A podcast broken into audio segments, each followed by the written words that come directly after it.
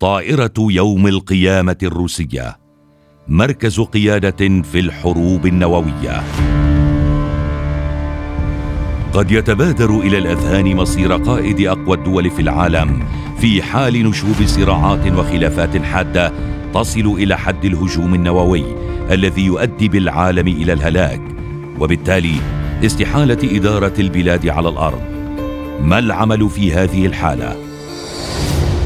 مركز قيادة عسكري شامل محمول جوا شبيه بحصن منيع ضد الهجمات النووية والنيازك والشهب.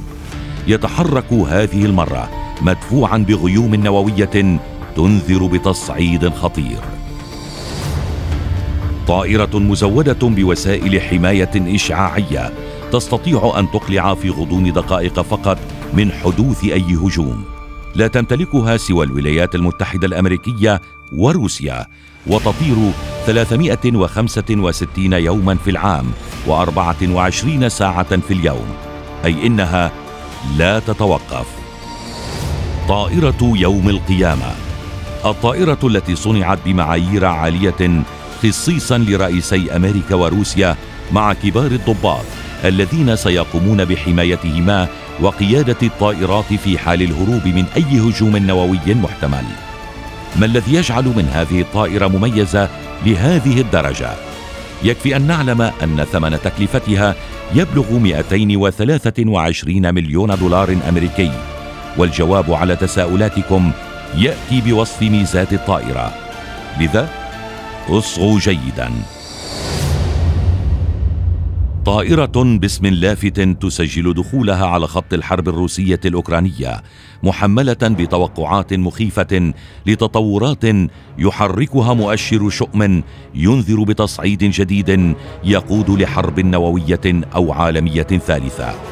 فمع احتدام الخلافات بين موسكو والغرب عقب اجتياح أوكرانيا عادت الطائرة الأمريكية منها بالأساس إلى الواجهة وسط توقعات بأن تصبح مقر قيادة لإدارة المعركة في حال نشوب حرب نووية. ففي مثل هذا الحال لن ينجو من حرب مماثلة سوى من أتاحت له الظروف بحجز مقعده على متن طائرة يوم القيامة. وهذا الأمر يظل حكرا على الرؤساء ومن يريدون إنقاذهم. مثل هذه الطائرات مملوكة حصرا من الولايات المتحدة الأمريكية وروسيا وتحركها يبعث برسائل خطيرة حيث يتعلق الأمر بتهديد نووي أو نيزك أو شهب أي في حالات الخطر القصوى.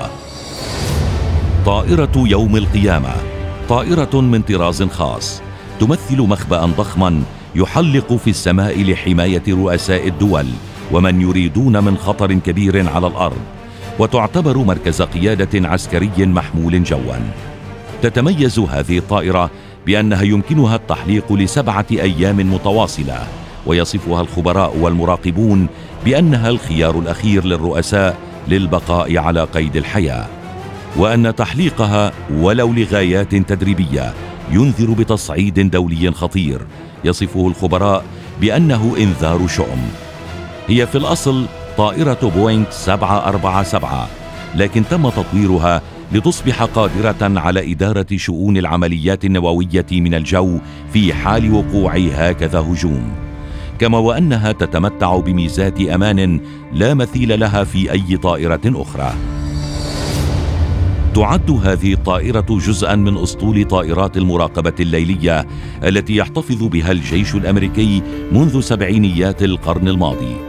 ومن مميزاتها أيضا أنها لا تخضع لنظام رقمي قابل للخلل بل لا تزال تستخدم معدات تحكم غير رقمية لتتمكن من العمل حتى في حال تعرضها لنبض كهرومغناطيسي ناجم عن انفجار نووي. لا تمتلك هذه الطائرة أي نوافذ عند منطقة مقاعد الركاب كما وأنها مزودة بدرع حماية خاص ضد أي تأثيرات حرارية قد تنتج عن الحرب النووية.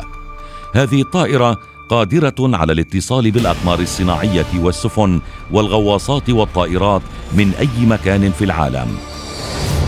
وعلاوة على ما تقدم للطائره مزايا عسكرية أخرى عديدة لكنها تظل سرية للاحتفاظ بمميزاتها التي تجعل منها بوليصة التأمين الأمريكية.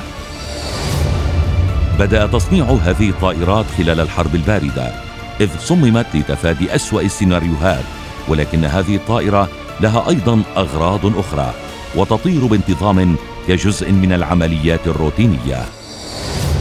تأتي خطة روسيا لتحديث أسطولها من طائرات يوم القيامة في الوقت الذي تستمر فيه البلاد في أسلحة نووية جديدة يشار إليها باسم أسلحة يوم القيامة.